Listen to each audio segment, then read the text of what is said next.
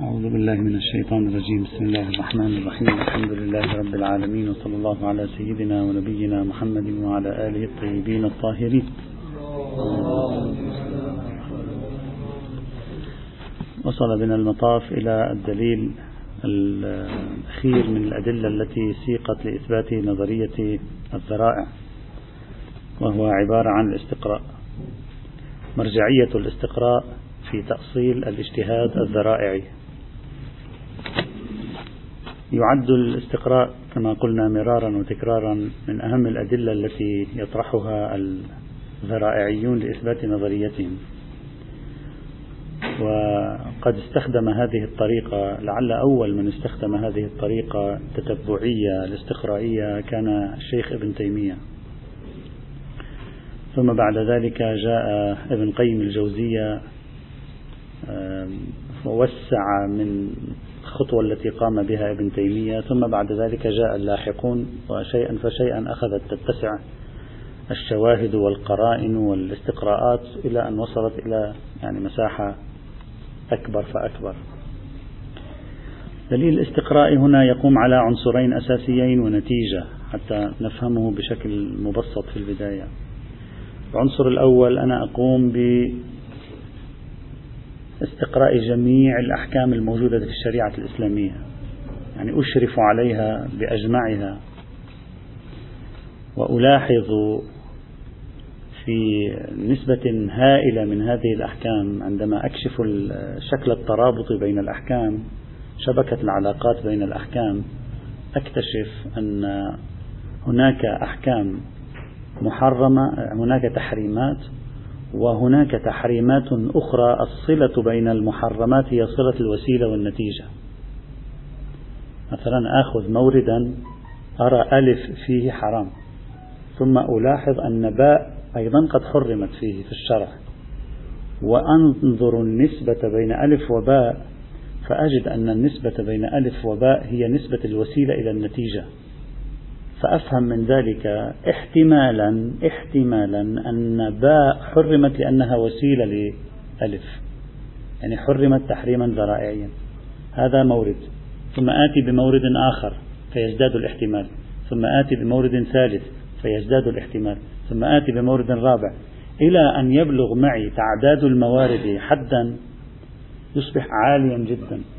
يعني أجد أن هناك مئة مئتين ثلاثمائة أربعمائة خمسمائة ألف حالة في الشريعة ألاحظ فيها أن شيئا ما قد حرم وعندما حرم لاحظنا أنه على علاقة بأمر آخر محرم في أصل الشرع وأن النسبة بينه وبينه هي نسبة الوسيلة والنتيجة.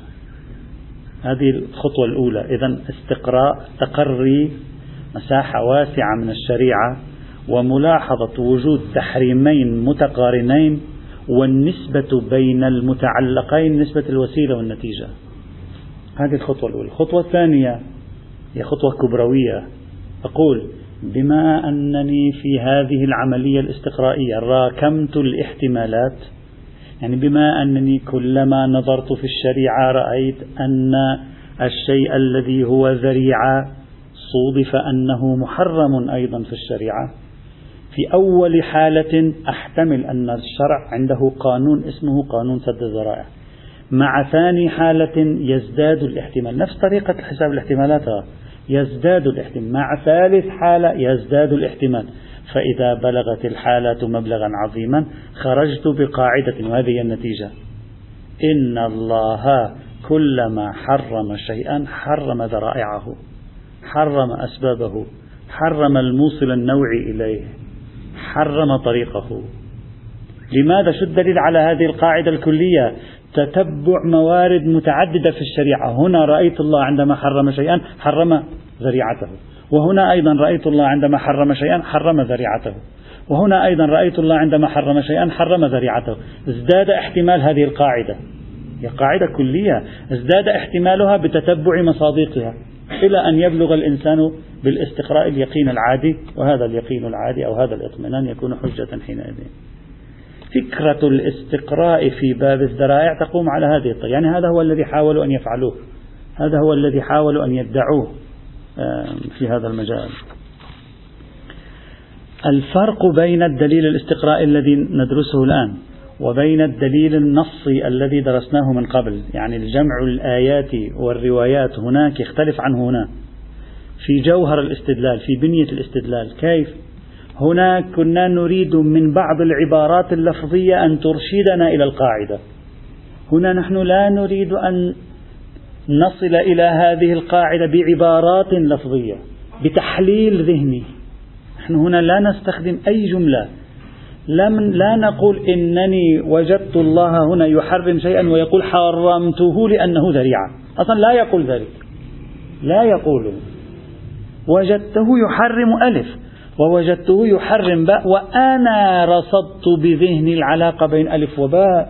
ووجدت أن العلاقة هي علاقة ذريعة بنتيجة. فجعلت هذا قرينة احتمالية على وجود قاعدة عنده سبحانه وتعالى. فلما زادت الموارد شيئا فشيئا تراكمت الاحتمالات لصالح القاعدة. ففي فرق جوهري بين طريقة الاستدلال بالأدلة اللفظية التي مرت معنا والاستدلال بالدليل الاستقرائي. هناك الألفاظ تخبرني عن القاعدة حسب ادعاء المستدلها. هنا ليست الألفاظ تخبرني. تحليلي الذهني لمجمل أطراف الشريعة يوصلني إلى يقين بالقاعدة. طبعا في الاستقراء يمكنك أن تأتي بتلك الآيات والروايات أيضا. لأن تلك الآيات والروايات أيضا تساعد على الربط بين ألف وباء. تضمها إلى الاستقراء تزيد من القوة الاحتمالية لا بأس. لكن في الأدلة اللفظية لا تستطيع أن تأتي بالدليل الاستقرائي لأن الدليل الاستقرائي ليس دليلا لفظيا هنا. حتى تقول نصت عليه آية أو نصت عليه رواية. طيب. ابن تيمية ذكر ثلاثين حالة. جاب ثلاثين مورد. في الشريعة. بينما ابن قيم الجوزية يعني جيل تلامذته أتى بتسعة وتسعين حالة. قال تسعة وتسعين حالة نكتفي بها على الأسماء الحسنى. هكذا هو قال. نكتفي بها على الأسماء الحسنى. وبعدهم غالبا استعانوا بعمل ابن تيمية. طبعا ابن قيم الجوزية تسعين. تسعين بالمئة من الموارد التي أتى بها ابن تيمية بل أكثر من ذلك أتى بها هو أيضا وزاد عليها. يعني بينهما عموم وخصوص مطلق تقريبا. أنا سأذكر فقط لكي نفهم طريقتهم جيدا نفهم القصة جيدا. سأذكر فقط 25 مورد فقط فهرسة لكي نفهم ما هي الفكرة. يعني نسردها اليوم لنفهم كيف كانوا ينتقلون من الشيء إلى أنه تحريمه كان يدل على تحريم ذريعته. المثال الأول هذه أمثلتهم. مثال الأول تحريم البيع يوم الجمعة في وقت الصلاة وقت النداء. قال هو البيع ليس فيه مفسدة. البيع فيه خير للناس تبيع الناس وتشتري. لماذا يحرم البيع؟ لا موجب لتحريم البيع. إنما حرمه لا ليست الرواية تقول إنما حرمه. الآن نحن نحتملها. الآن نحن نضع هذا هذا النوع من التقارن. حر لم يكن وجه لتحريمه إلا سدا للذريعة. ما معنى سدا للذريعة؟ يعني إذا شخص عند النداء لا عند الصلاة عند النداء لصلاة الجمعة بقي يبيع فإذا وقعت الصلاة يقول أوه لم أتمكن من الذهاب.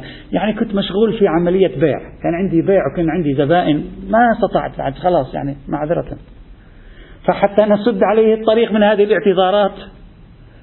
نقول له وقت النداء خلاص يجب عليك أن تقفل الدكان. فإذا أقفل الدكان لم يعد له مبرر لكي لا يذهب إلى صلاة الجمعة ويقول آه كان عندي معاملة وظرف طارئ فنحن سددنا الطريق عليه لكي يحقق ماذا؟ يحقق المشاركة في صلاة الجمعة، فالواجب الأصلي هو المشاركة في صلاة الجمعة، والواجب الذرائعي هو عدم هو إغلاق الدكان، أو فقل الحرام الأصلي حرمة ترك صلاة الجمعة، والحرام الذرائعي حرمة فعل ما يعيق عن امتثال الحرام الأول، اللي هو مثل البيع في الدكان. هذا مثال ذكروه.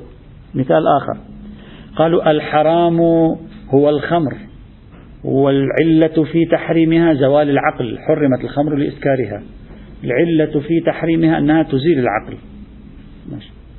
لكن الشريعة مع ذلك رأيناها تحرم أشياء لا تزيل العقل. مثل حرمة قطرة واحدة من الخمر. حرمة تناول الأنبذة. بعض الأنبذة على الأقل تحدثنا عنها سابقا. وهذا حرام. الشريعة تقول حرام. لماذا برأيكم حرمت الشريعة قطرة واحدة من الخمر؟ ولماذا حرمت الأنبذة أو بعض أنواع الأنبذة على أقل تقدير؟ ولماذا إذا تتذكروا كلام صاحب الميرزا القمي وشيخ شريعة الإصفهاني ولماذا حرمت العصير العنبي المغلي بالنار؟ ولماذا حرمت الفقاع الذي هو خمر استصغره الناس؟ لا يسكر لا يزيل العقل. وسعت الشريعة دائرة التحريم حماية لعدم التورط في الحرام الأصلي وهو السكر. اللي هو زوال العقل الذي يحدثه شرب الخمر. ولا نفهم لهذا التحريم المحيط إلا علة واحدة وهو سد الذرائع. أي قطع الطرق على تورط الإنسان في سكر نفسه وعلى تورط الإنسان في زوال العقل. بهذا التحليل هكذا يفهم العقلاء. هذا يعني لو سمعت هذا هذا النوع من التحريمات من غير الله سبحانه وتعالى هكذا يفهم العرف العقلاء من هذه التحريمات. أن المحرم الأصلي عنده هو شرب الخمر وضرب حوله حصارا فحرم طرقا وذرائع إليه. هذا مثال ثاني أيضا يقوي أن الشارع نراه عندما يحرم شيئا يسد الطرق إليه. بدأت تزداد احتمالية الموضوع. المثال الثالث. الزنا حرام. لا يجوز ارتكاب الزنا. لكن الشريعة ماذا فعلت؟ ضربت أيضا سياجا ضخما حول الزنا لتسد الطريق على الوقوع فيه. ومن ذلك السياج حرمة الخلوة بالأجنبية. لماذا؟ لأنهم مظنة الافتتان. احتماليات الوقوع في الزنا لو فتحنا هذا الباب ترتفع. ولذلك كان ابن تيمية يقول العلاقة بين الوسيلة والنتيجة قد تكون دائمية قد تكون غالبية أكثرية كثيرية وقد تكون طبيعية. ما معنى طبيعية؟ يعني يقول الطباع تقتضيها. القضايا الغرائزية الجنسية وأمثالها الطباع تقتضي أن يذهب الإنسان. وأن يقع في هذا المحظور لو فتحنا له هذا الباب. قد لا يكون الوقوع حتى أكثريا. بل قد لا يكون كثيريا لكن بما أن المؤشر قوي الاحتمال علينا أن نسد الطريق. هذا كلام ابن تيمية. المثال هكذا يذكر هنا. الحرام هو الحرام الأصلي هو الزنا. الشريعة حرمت الزنا فقط. لكن حتى تحفظ أن لا يقع الناس في الزنا ضربت حصارا حولها. الخلوة بالأجنبية لا يجوز حتى لو كنت تختلي بها لكي تقرأها القرآن. والسفر مع الأجنبية لا يجوز لوحدكما حتى لو كان سفرا إلى الحج وحتى لو كان سفرا لزيارة الوالدين. يقول هذا لا يجوز. ما معنى حرمة ذلك؟ ليس له معنى إلا سد الطرق. إذا الشريعة بدأنا يرتفع احتمال أن بنيتها نظامها قائم على سد الطرق عندما تريد أن تحرم شيئا أساسيا. مثال رابع. أيضا الزنا محرم. فالشريعة تريد أن تسد الطرق. ماذا حرمت؟ النظر إلى الأجنبية. النظر إلى الأجنبية في حد نفسه ظاهر ما في مشكلة. المشكلة الأساسية أنه سبيل للبشر لارتفاع منسوب الحياة الغريزية عندهم وهذا يرفع من احتمالية وقوع الزنا في الخارج. فسدا لهذا الطريق الفاسد سدا لهذا الطريق الموقع لنا في الفساد نقول هذه المقدمات محرمة. النظر محرم. اللمس محرم. المصافحة محرمة. الخلوة محرمة. كل هذه لاحظ الشريعة ضربت حصار قوي حول الموضوع. المفاكهة والممازحة محرم. الخضوع بالقول محرم. وهكذا. ولذلك الستر واجب. لنفس السبب عليها أن تستر. لأن جسد المرأة إن لم تستر نوعا يؤدي إلى تحرك الغرائز والوقوع في الزنا. كل هذا هو السياج في الحقيقة.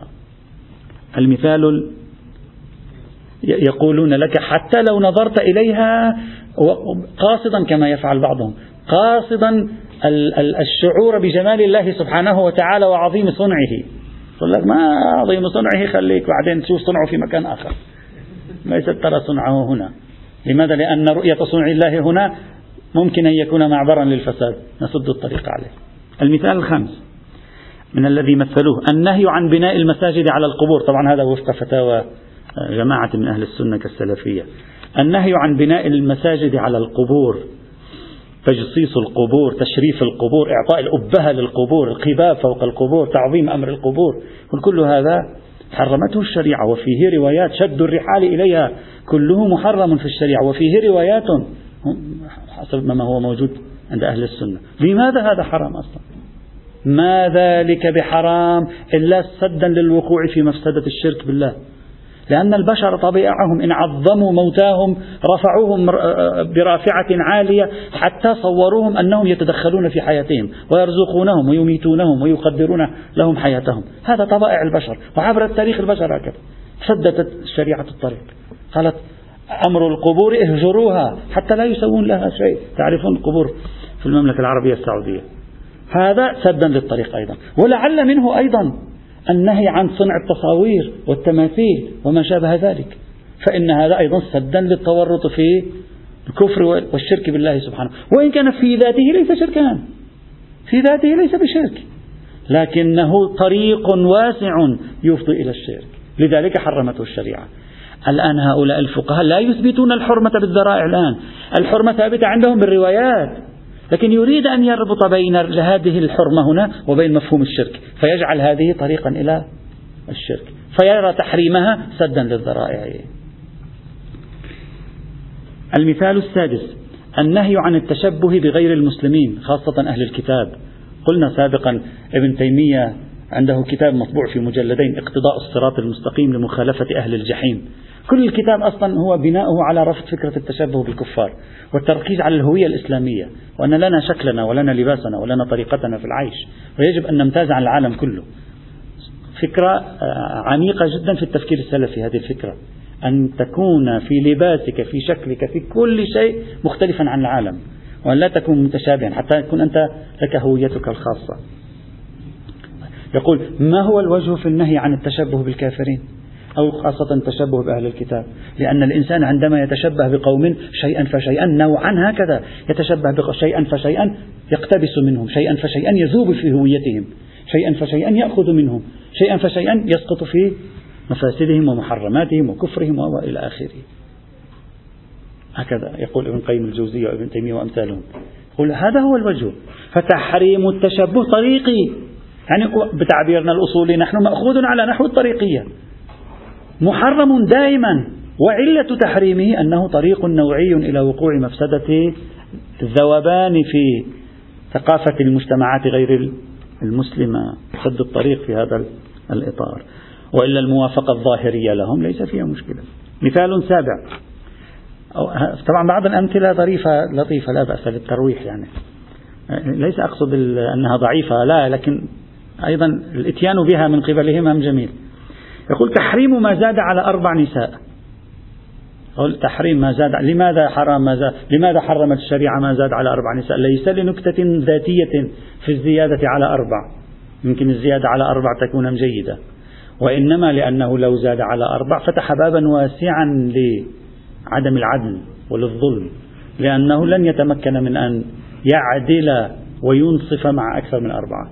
فاحتمالية أن يقع بعد ذلك في ظلم واحدة منهن ترتفع احتمالية عالية فسدا للطريق على الظلم؟ لا. طيب لماذا أعطى أربعة؟ قال لأن الرجل إن لم تعطيه أربعة أعطيته فقط واحدة فتحت الطريق له إلى فعل الحرام. إذ قد لا يكتفي بها وقد تكون لديه مثلا كذا وكذا لا يستطيع أن يرضي غرائزه مع واحدة. على الجبهتين أيضا استفادوا منها. من ناحية الزيادة على الأربع استفادوا من هذا رائعيا من ناحية نفس الأربع استفادوا من هذا رائعيا وفسروها هكذا أنها عبارة عن تحريمات وإلزامات أو تحريمات وتجويزات ذرائعية. بصرف النظر عن موقفك من الأمثلة نفس أن تقرأ الشريعة من فوق بهذه الطريقة هذا إبداع. الحق والإنصاف يقال. حتى لو كانت القراءة خاطئة كما كان دائما يقول أستاذنا الشيخ الإرواني حفظه الله تعالى يقول وهذا إشكال دقيق وإن لم يكن صحيحا. لأن الدقة لا تعني الصحة. قد يدل على أنه متأمل فعلا لكن ليس صحيحا. قد يكون هذا الكلام كله ليس صحيحا. سنأتي نعلق عليه لاحقا سنرى أين الصحة وأين الخطأ فيه. لكن نفس أنه شخص يجي يشرف على الشريعة من الأعلى ويرسم شبكة من العلاقات بهذه الطريقة ويضع أحكاما أصلية وأحكام تتجه إليها نفس هذا هو شيء يعني ينم عن التفاتة جديدة في نمط قراءة الشريعة آه، بشكل من الأشكال. على هذا مثال أيضا. ثامنا تحريم الطيب على المحرم. هذا لن تتخيله أنت؟ لماذا حرم على المحرم أن يتطيب؟ ما علاقة قال لأنه لو تطيبا سيتطيب الرجل وتتطيب المرأة فيقعان في ما يخالف الإحرام. هو زوجته. مع الطيب سيقعان فيما يخالف الإحرام. وبالتالي هذا محرم. فتحريم الطيب على المحرم طريقي أيضا. أي لسد الطريق على وقوع المحرم في فيما هو مخالف لإحرامه حقيقة ما هو المخالف لإحرامه حقيقة الجماع. الجماع مخالف لإحرامه حقيقة. فهذا سد للطريق. ولعلك بذلك عندما ترى القرآن الكريم لم يتكلم عن 25 ترك من ترك الإحرام تكلم عن ثلاثة. فلا رفث ولا فسوق ولا جدال في الحج. القرآن ما تكلم عن هذا أكثر من هذا. لذلك الشيخ صادق الطهراني في بعض كتاباته يقول لا يوجد محرمات للإحرام إلا هذه الثلاثة. فأراد أن يسد الآن شوف الذرائع ماذا يفعل. يقول أراد أن يسد الطريق على الرفث فحرم الطيب. فتحريم الطيب في أصل الشرع لكنه طريقي لسد الطريق على هذا التحريم الوارد في القرآن الكريم. مثال تاسع ما ورد من النهي عن قبول عن قبول العالم أو القاضي أو الوالي للهدايا. توجد روايات في النهي عن قبول هؤلاء للهدايا. يقول ما الوجه في أن يرفض الإنسان الهدية؟ واحد مؤمن بارك الله في يعطيك هدية. وين المشكلة؟ تعال أعطينا هدية يا أخي ما في مشكلة. تودوا تراحم بين تهادوا تحبوا كما ورد في الحديث. قال هنا في مشكلة. لماذا؟ رغم أنه أمر راجح في حد نفسه. هم إعطاء الهدية راجح هم قبول هدية الناس أيضا راجح. لكن هنا هذا الرجحان بسبب الذرائعية تحول إلى محرم. لماذا؟ لأنه ممكن أن يؤثر على المهدى إليه في حكمه في أمره في تمريره بعض الأمور في حكمه القضائي. هذا شيء طبيعي في البشر. فسدا لهذه الطريق نقول لا تأخذ من البداية أي هدايا. من أحد المتحاكمين مطلقا. وكان من الأفضل أن يقول له خذ هدايا من اثنين. هكذا تتوازن. مثلا. المثال العاشر. المنع من توريث القاتل. لماذا الشريعة قالت إذا قتل الرجل أباه مثلا لا يورث؟ لا يأخذ من التركة شيئا. هذا موجود في الفقه عند الشيعة والسنة. لماذا لا, لا وجه له إلا سد الطريق؟ ليس عقوبة له على أنه قتل. لأنه ممكن واحد يقتل شخص آخر ولا نعاقبه بحرمانه من تركة والده لكن هنا عاقبناه لماذا؟ سدا للطريق على قيام أحد بقتل أحد لأجل المال قلنا سد الطريق على ذلك. نقول إن أنت قتلت أحدا لأجل أن ترثه لن ترثه حينئذ. فيقول ما في فائدة إذا أنا قتلته؟ وتبين أنني أنا الذي قتلته لن أرث. إذا بقي حيا إذا بعد أن تبين ما أدري. إذا بقي حيا ما ما أعدمه على لا يرث حينئذ. المثال الحادي عشر. تحريم إقامة الحدود في أرض الحرب في أرض الغزو. موجود هذا عند الشيعة والسنة أيضا. بعضهم قال إقامة حد السرقة وبعضهم قال مطلق الحدود. إذا موجودين الجيش الإسلامي موجود على الجبهة وشخص ما سرق. واحد من المجاهدين سرق من المقاتلين سرق. الفتوى تقول لا يقام عليه حد. ليش لا يقام عليه حد؟ لا معنى. الحد يقام في كل يعني في مكان دون مكان. أنت لو تأملت بهذا الحكم ستفهم أن هذا الحكم ليس إلا لأنك لو قلت سأقيم الحدود على من يرتكبون موجب الحد في أرض الحرب سيكون ذلك ذريعة ودافعا له إلى أن يهرب إلى أرض العدو. فإذا هرب إلى أرض العدو خسرته مطلقا. فأن لا تخسره مطلقا وتخسر مجرد إقامة الحد خير من أن تخسره مطلقا. فسدا للذريعة يعني سدا للطريق على ما هو أفجع وأسوأ. نحن نقول لا تقيم الحدود رغم كل الأحاديث المتشددة الداعية إلى إقامة الحاد والتعجيل في إقامة الحاد وعدم التسويف في إقامة الحد إلى آخره. وهذا أيضا واحد. الآن شوف الأمثلة الآن أنت اترك أمثلتهم أنت اذهب إلى الشريعة وانظر فيها بهذا العينين أيضا. سترى فعلا شبكة جديدة من العلاقات بين الأحكام. سترى أي ممكن هذا الحكم؟ صحيح يكون إنما حرم لأجل هذا الحكم. هذا أجلى في التحريم منه.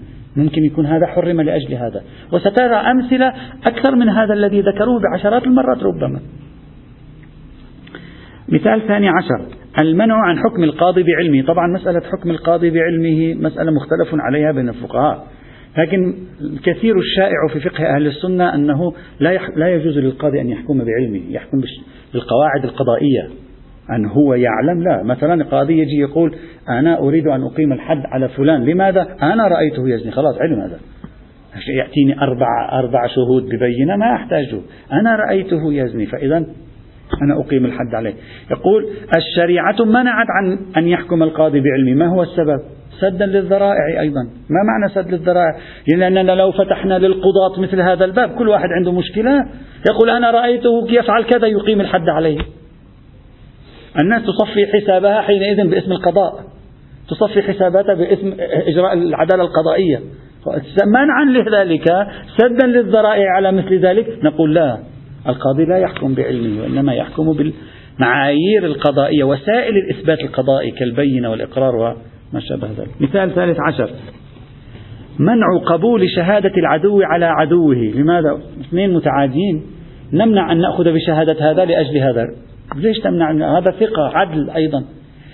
ليس لذلك وجه إلا سد الذرائع لأنك لو أجزت شيئا من مثل ذلك طبائع الناس أن تشهد ضد عدوه وقد يزور حينئذ.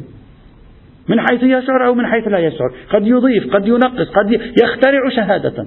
لماذا؟ لأنه يريد أن يصفي حسابا مع عدو ولذلك أيضا على المقلب الآخر الشريعة ماذا قالت؟ قالت لا يؤخذ شهادة شاهد يجر من وراء شهادته نفعا. يعني يشهد بشيء فيعود عليه بنفع.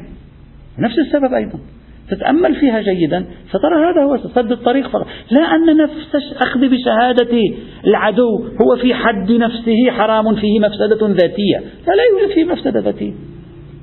بالتأمل العقلاني تجد أنه ليس إلا سدا لباب الفساد الآتي من مكان آخر. الرابع عشر التشريعات المتصلة بتمايز أهل الذمة. تعرفون في الشريعة خاصة في الفقه السني أهل الذمة يجب أن يتمايزوا.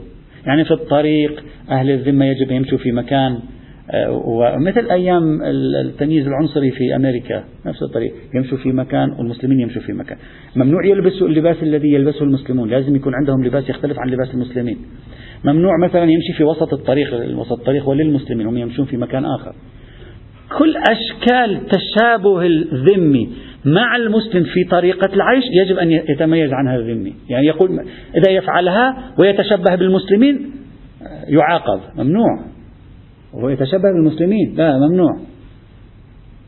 يقول لماذا لماذا هذا التح هذا المنع سدا للطريق عن أن يعامل معاملة المسلم؟ لأنه إذا أنت مسلم وإجاك واحد لا تعرفه ذمي أو غير ذمي ويلبس لباس المسلمين وشكله طريقته كل شيء لباس نمط المسلمين ستظن بأنه مسلم ستعامله معاملة المسلم سيحظى بإحترام لم يكن ينبغي له أن يحظى به.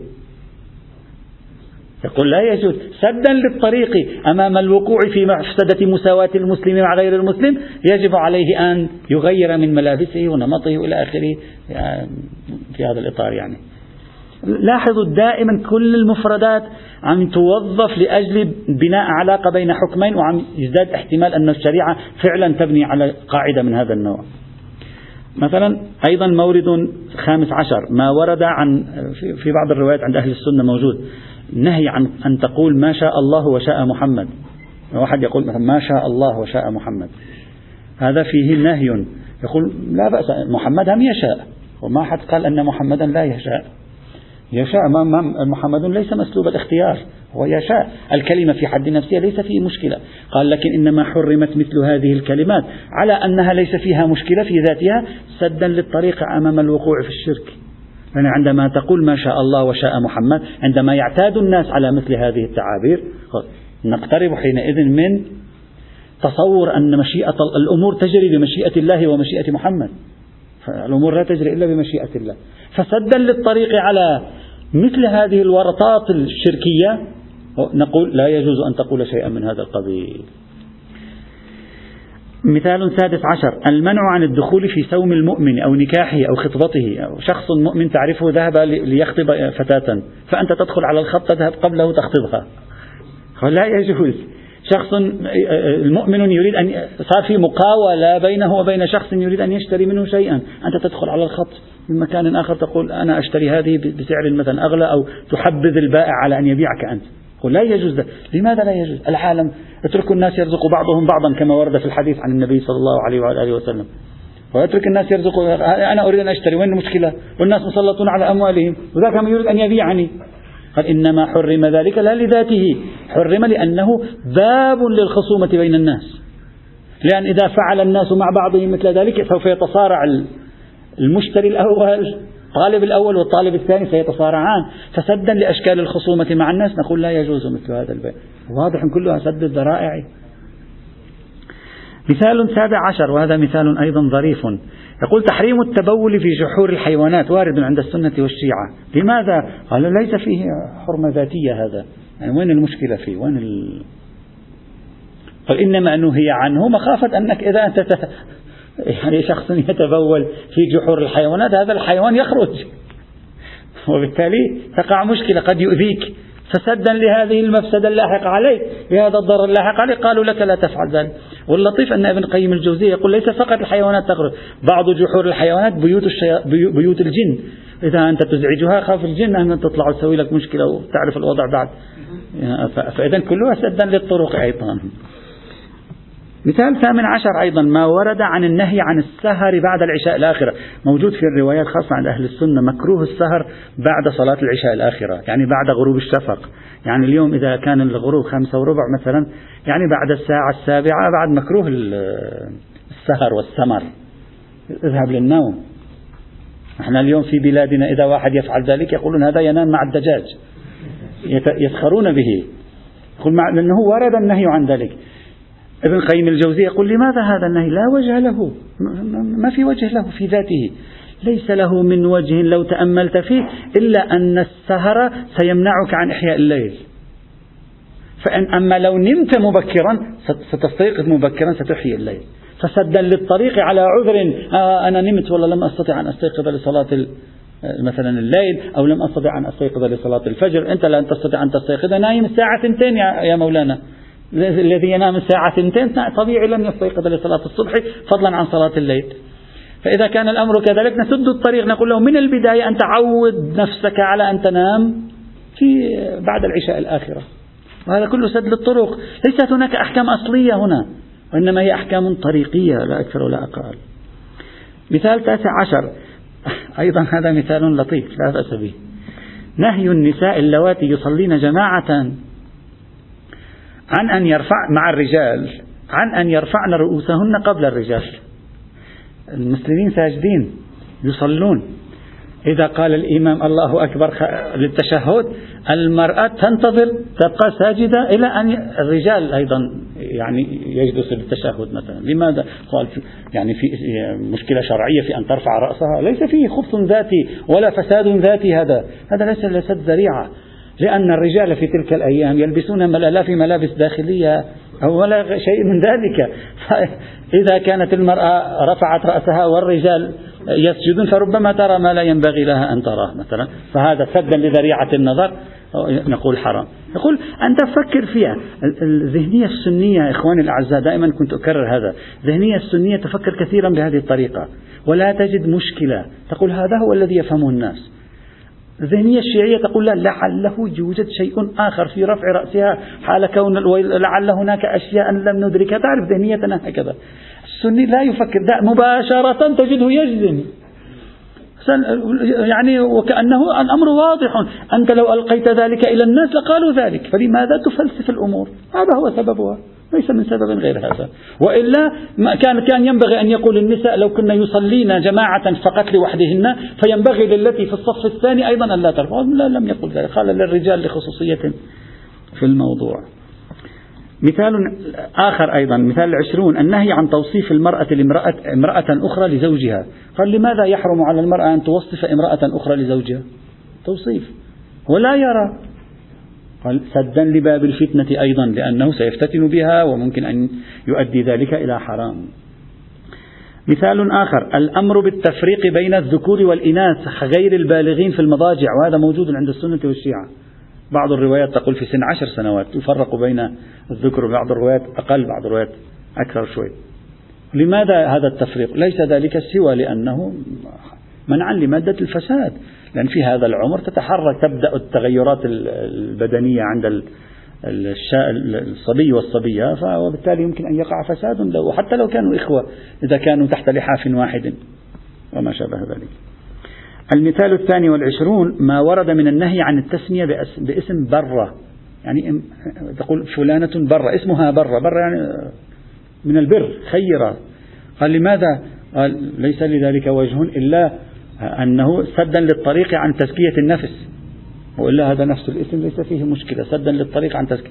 وربما لذلك منع من أن تسمي شخص خالد. في الروايات الشيعية موجود هذا. لأن خالد ليس الخالد إلا الله سبحانه وتعالى مثلا. فقد يؤدي ذلك إلى شعور الإنسان بالخلود وهذا شعور سلبي هكذا يقولون. أيضا المورد الثالث والعشرين نحن فقط نذكر 25 ثالث تحريم الشياع أو الشياع. الشياع يعني تحريم المفاخرة بالجماع كما يفعل الرجال عادة. ويخبرون عن أنفسهم أنهم مثلا سوبرمان وكذا وليس من سوبرمان ولا من يحزنون. مثلا ربما يقول هذه المفاخرات لا تجوز. لما ورد حديث النهي عن لماذا لا تجوز؟ واحد يتكلم عن نفسه. وين الفساد الذاتي في الموضوع ما هو؟ يقول ليس لي وهو وجه إلا أن السامع إذا تلقى ذلك والسامع هو مثل المتكلم. أمره صعب عسير. فهذا سوف يقول آه أنا لا, لا, لا يحصل لي ذلك مع أهلي. فيبدأ يفكر في مكان آخر ويبدأ يفكر في أمور أخرى ويبدأ يذهب إلى مكان آخر في ذهنه وبالتالي يكون ذلك جرا له إلى الفساد. فسدا لهذا الطريق نقول له من البداية أصلا هذه الموضوعات بهذه الطريقة لا تفتحوها فيما بينكم. المثال الرابع والعشرين قبل الأخير النهي عن انحناء الرجل للرجل. ورد عند أهل السنة بعض الروايات في النهي عن انحناء الرجل للرجل. يعني كما هو عادة ابن قيم الجوزية يقول كما هو عادة طلاب العلم الآن. هو يتأسف على ذلك. يقول حتى أنك تجدهم ينحنون إلى حد الركوع أحيانا. موجود يقول هذا نهي عنه. لماذا نهي؟ الانحناء في حد ذاته رياضة. قال إنما نهي عنه لأن في ذلك نوع من التعظيم. وهذا يؤدي إلى مفاسد الشرك. ليس الشرك بمعنى الشرك بالله. يعني مظاهر الشرك. رائحة الشرك. تستري هناك شرك حقيقي وهناك أفعال شركية وهذا نوع من الأفعال الشركية. نحن منهيون عنها. المثال الخامس والعشرون ما ورد من النهي عن الخروج على الظالمين. وهذا على مبنى الحنابلة. أن الخروج على الظالم والثورة على الظالم حرام. يقول ليس له وجه مع أنه ظالم والمصلحة تقتضي في تغيير هذا الظالم. ليس له وجه إلا سد الطريق على الفوضى. فإننا لو قلنا لكل إنسان إذا رأيت ظالما كان لك أن تخرج عليه كل يوم تطلع لنا ثورة في مكان وكل يوم يطلع لنا مجموعة في مكان مسلحة وتريد أن تتمرد وهذا فوضى في بلاد المسلمين. لا يجوز ولا ينبغي أن نفتح الطريق عليه. فنسد الطريق ونقول لا يجوز الخروج على الظن. الخروج ليس بمعنى الاعتراض. كلمة الخروج في اللغة العربية في أدبيات الحديث يعني الخروج المسلح. يعني المظاهرة لا تسمى خروجا يعني كثيرين يفكرون أي مشاركة اسمها معارضة سياسية فتسمى خروج. لا الخروج يعني مصطلح يطلق في الأحاديث ويراد منه الخروج المسلح يعني الذي فيه دم. هذه مجموعة من الأمثلة التي طبعا أمثلة كثيرة. أنا فقط كثرت من الأمثلة حتى تلتصق الفكرة أكثر في ذهننا. أنت الآن في هذه الجولة الطويلة على الأمثلة استطعت أن تصل إلى روح الفكرة وهي يشاهد الفقيه الذرائعي. ألف يشاهد باء التي هي طريق إلى ألف يلاحظ عندما حرمت ألف حرمت باء ولا يفهم من تحريم باء إلا كونه طريقا لألف. إذا احتمال الشريعة عندها قاعدة اسمها سد الذرائع. مورد ثاني مورد ثالث مورد عاشر عشرين ثلاثين مئة مئتين ثلاثمائة يستنتج قاعدة كلية الشريعة تسد الذرائع. فإذا رأى شيئا اليوم هو ذريعة إلى حرام وليس فيه نص من كتاب أو سنة لأن قاعدة سد الذرائع مما لا نص فيه يقول هذا حرام في الشرع لأن في الشرع قاعدة إن كل ما حرمه الله فقد حرم أسبابه وذرائعه الموصلة إليه. هذا حاصل استدلال هؤلاء في هذا وبإمكانك أن تتصور الشريعة على شكل محرمات مركزية الزنا القتل السرقة المحرمات التي نص عليها القرآن بالخصوص. الزنا السرقة القتل الكفر والشرك. هذه المحرمات تصورها وتصور معي عشرات الأحكام الصغيرة التي تصب لمصلحة الامتناع عن الزنا. عشرات الأحكام الصغيرة التي تصب في مصلحة عدم الوقوع في الكفر وهكذا. هذه هذه الخارطة تكرس قانون الذرائع. هذا حاصل استدلال القوم بقاعدة بالاستقراء لأجل إثبات آه، قاعدة سد الذرائع. البحث في هذا الدليل المهم بالنسبة إليهم البحث في هذا الدليل يجب أن نضعه ضمن نقاط آه، موجزة آه، نتعرض لأصل الفكرة ثبوتا نتعرض لإمكان الاستعانة بهذه الفكرة الثبوتية على إثبات قاعدة اجتهادية فيما لا نص فيه باسم قاعدة سد الذرائع. ونريد أن نرى هل توجد هناك معاكسات لهذا الاستقراء يعني إذا أنا وجدت في الشريعة عشرة موارد عشرين مورد ثلاثين مورد شيء ما هو ذريعة لحرام. ومع ذلك الشريعة قالت حلال. نصت على حليته. وهذا قرينة عكسية. ستضعف من إمكانية الاستنتاج اليقيني من الاستقراء. هل يوجد أو لا يوجد؟ سيأتي إن شاء الله تعالى. والحمد لله رب العالمين.